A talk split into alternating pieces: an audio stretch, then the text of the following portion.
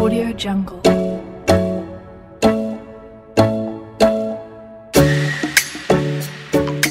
Hai hai hai pecinta manja Gimana nih kabarnya hari ini? Semoga sehat selalu ya Barengan lagi dengan Uca Kali ini di Indonesia kita Uca bakal ngajakin pecinta media menjelajah Nusantara. Setuju kan kalau Indonesia memiliki kekayaan budaya dan alam yang begitu memukau dan menjadi daya tarik tersendiri bagi para wisatawan baik lokal maupun mancanegara.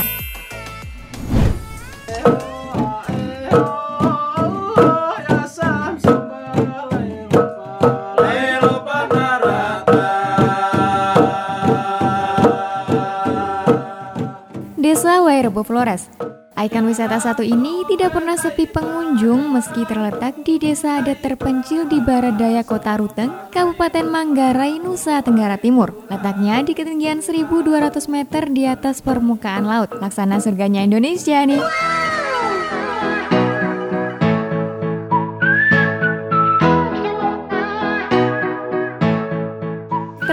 Adatnya yang luar biasa, banyak wisatawan yang rela jauh-jauh ke sini meski perjalanan yang ditempuh memerlukan perjuangan ekstra. Pemandangan alam berupa gunung-gunung berpadu dengan tujuh rumah adat berbentuk kerucut akan memberikan kesan tersendiri bagi wisatawan yang berkunjung ke Desa Wairebo. Jika ingin ke Desa Wairebo, Anda harus mulai dari kota Ruteng. Dari Denpasar, Bali, bisa langsung menuju Ruteng dengan naik pesawat ya. Apabila tidak ada penerbangan menuju Ruteng, Anda dapat menggunakan bus atau travel dari Labuan Bajo. Ibu kota dari Kabupaten Manggarai Barat tersebut bisa ditempuh sekitar 6 jam. Setelah tiba di Ruteng, perjalanan dilanjutkan menuju Desa Denge atau Dintor kurang lebih 2 jam. Desa Denge atau Dintor ini merupakan desa terakhir yang dapat diakses dengan kendaraan. Denge terdapat jasa ojek atau truk kayu. Biasa ditemukan di Terminal Mena. Beroperasi dari jam 9 sampai dengan jam 10. Kalau menggunakan jasa ojek, tarif sekali antar bisa mencapai 150 sampai 200 ribu rupiah. Wow, mahal juga ya ternyata. Kalau mau lebih hemat nih, gunakan jasa truk kayu yang lewat. Tarifnya cukup 30 ribu rupiah. Tapi sayangnya angkutan ini tidak setiap hari beroperasi ya Kan tadi udah diingetin nih Harus persiapan ekstra baik secara fisik maupun finansial untuk sampai ke desa Wairebo Gimana? Mau lanjut? Ayo semangat, bentar lagi sampai kok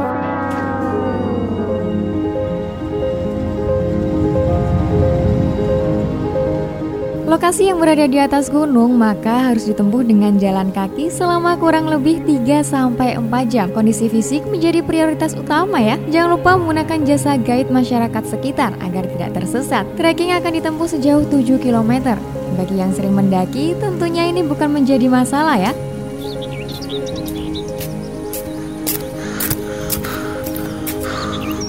Udah kebayang gimana capeknya? Tapi jangan menyerah, harus semangat. Dijamin, semua perjuangan akan terbayar lunas dengan pemandangan nan menakjubkan di Desa Wairebo. In my head like a melody Laying back in this bed Playing back what you said And it's not really helping me Wisata yang masuk dalam situs warisan budaya dunia UNESCO pada 2012 ini selain memiliki pemandangan yang indah, juga terkenal dengan keramahan penduduk setempat. Ikon dari desa Wairebo ini tak lain yaitu rumah adat yang hanya terdapat tujuh buah. Dan uniknya, rumah adat ini sudah bertahan selama 19 generasi. Hal ini pula yang menjadi daya tarik para wisatawan khususnya wisatawan dari mancanegara.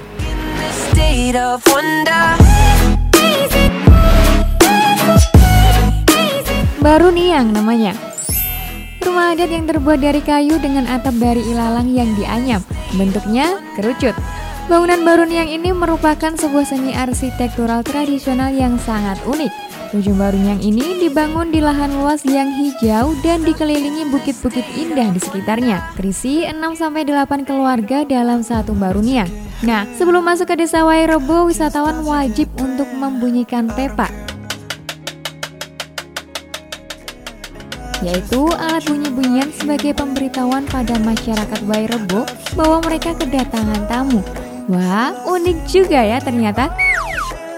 Oh ya, Sebelum memasuki desa Wairebo terdapat beberapa larangan yang wajib wisatawan ketahui. Salah satunya yaitu dilarang paparazi atau diam-diam mengambil foto masyarakat desa Wairebo. Mereka bisa saja meminta bayaran atas foto yang Anda ambil. Jadi harus izin dulu ya sebelum paparazi. Nih, satu lagi, yang suka banget main sama anak kecil dilarang keras untuk memberikan uang atau jajanan ke mereka. Cukup ajakin main aja ya.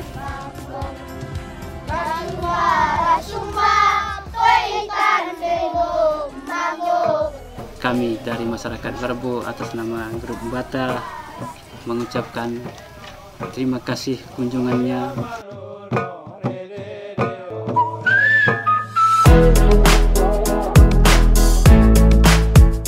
Setiap pengunjung yang datang akan dijamu di dalam satu baruniang yang disediakan khusus untuk menyambut wisatawan yang datang. Jadi jangan asal masuk ya. Masyarakat Desa Wairobo merupakan keturunan Minang, Sumatera Barat dan andalan mereka untuk menjamu wisatawan yakni kopi Wairebo. Kopi ini memiliki kualitas yang tinggi, pembuatannya pun masih tradisional, makanya banyak peminatnya. Ada kopi robusta, ada juga arabica. Pecinta kopi, mana nih suaranya? Menyeduh segelas kopi dan menikmatinya langsung di Desa Wairebo adalah sensasi yang harus dicoba di dataran tinggi Flores ini. Menarik bukan?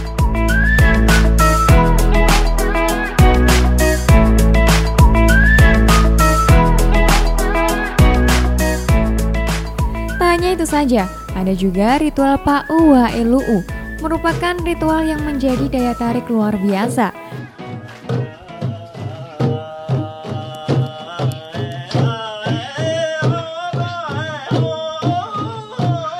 Ritual ini dipimpin oleh salah satu tetua adat untuk meminta izin perlindungan terhadap roh leluhur dengan adanya tamu yang berkunjung ke desa Wairebo.